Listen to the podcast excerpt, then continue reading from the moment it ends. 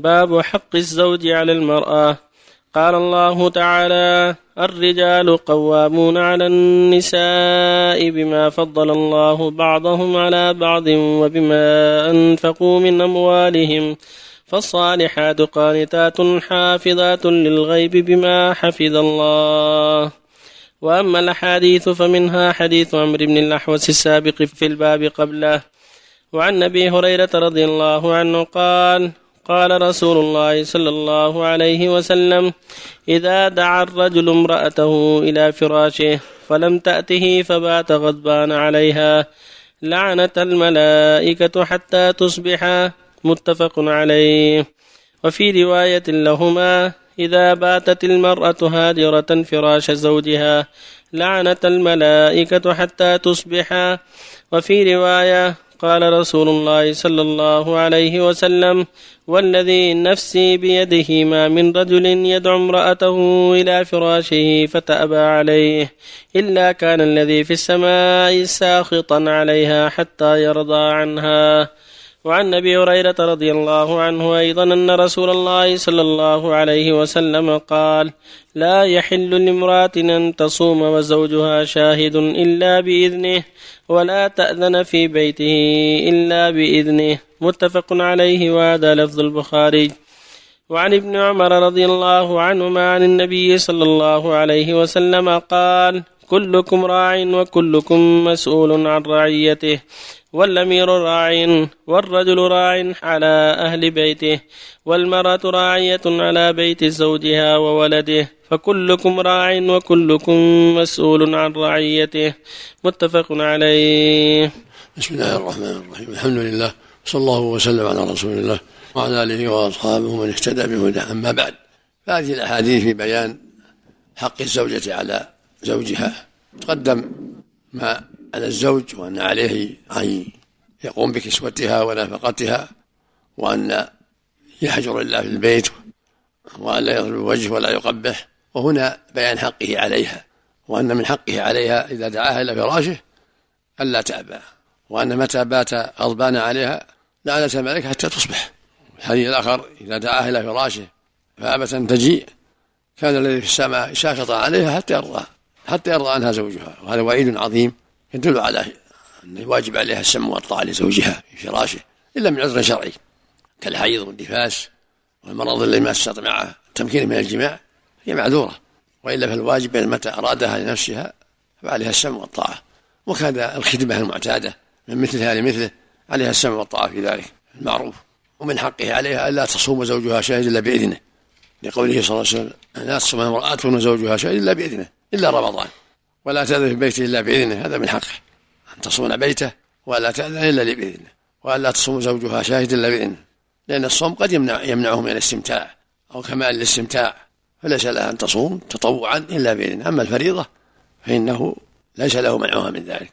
رمضان عليها تمكينها من ذلك. كذلك حديث كلكم راع وكلكم مسؤول رعيته. هذا أيضا عام. فالرجل راع في أهل بيته ومسؤول وهي كذلك راعية في بيت زوجها مسؤولة. هذا عام. الإمام الراعي والأمير الراعي ومسؤول رعيته والرجل راعي في أهل بيته من جهة زوجته وأولاده وغيرهم من أهل بيته مسؤول حتى يقيم فيهم أمر الله. الزوجة الأولاد الخدم غير غيرهم. عليه يقوم فيهم بأمر الله. والمرأة كذلك مسؤولة عن رعيتها في بيت زوجها. العناية بأولادها وخدمة الزوج في البيت والعناية بشؤون البيت كلها. هي مسؤولة عن رعيتها في ذلك. فالواجب على الزوجة أن تتقي الله في حق زوجها وأن تقوم بالواجب والواجب على الزوج أن يتقي الله في حق زوجته وأن يقوم بالواجب. فإذا تعاونا جميعا وأديا الحق الواجب برئت ذمتهما وصلحت الحال بينهما. أما إذا قصر هذا أو هذا فخطر عظيم. فالواجب عليهما التعاون بالبر والتقوى وعلى كل واحد أن يجتهد في أداء الحق الذي عليه. وفق الله سن الله عملك. إذا هاجرت الزوجة فراش زوجها هل للزوج ضربها؟ لها ضربها ضرب غير مبرح ولا هجرها أيضا له هجرها وله ضربها لكن ضرب غير خفيف. سماحة الشيخ هل يصح حفظكم الله أن يأتم المأموم بالذي يتم؟ سواء كان المأموم ممن أدرك بعض الصلاة مع الجماعة الأولى أو جاء بعد انقضاء صلاة الجماعة. يجوز يجوز يجوز يجعل الذي يقضي إماما له ثم سلم اللي يقضي يتممه. وإن صلى وحده أو صلوا جماعة وحده كفى النساء هل كيدهم أعظم من الشيطان؟ نعم. النساء كيدهم أعظم من الشيطان. هناك ممكن الشيطان كيد ضعيف بالنسبة إلى من استعان بالله. كيده ضعيف ومن لم يستعن بالله وغفل كيده شديد عليه.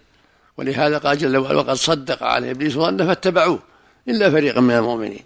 لكن سمى الله كيد سمى الناس إن كيد كنا عظيم هذا على لسان العزيز لما قال في قصة يوسف إن كيد كنا عظيم.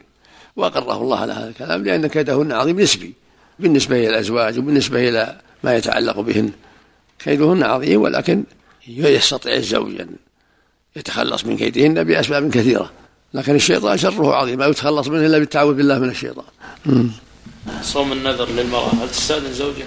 نعم. صوم النذر إذا نذرت النذر والكفارة محل نظر إن كان مطلق يمكن تأخيره إن كان إن كان معين لابد تبادر به. يلحق بالفريضة. إذا كان معين صوم يوم معين أو نشر شهر معين نعم لأنه فريضة. أما كان مطلق يمكن تأخيره إلى وقت ما صلى الله عليه قال الرسول صلى الله عليه وسلم إنهن ضعيفة عقل ودين.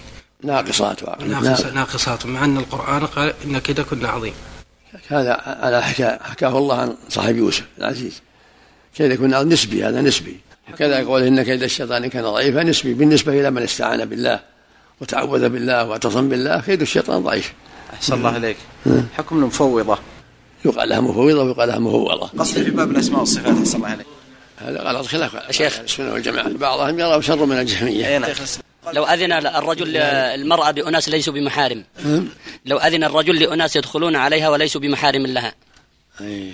إذا كان ما في خلوة ما في بأس. أما الخلوة لا.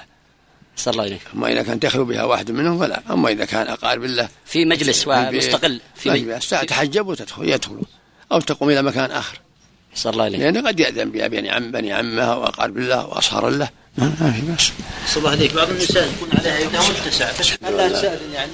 الأحوط لها للسن الأحوط ولا قول النبي رمضان يعم.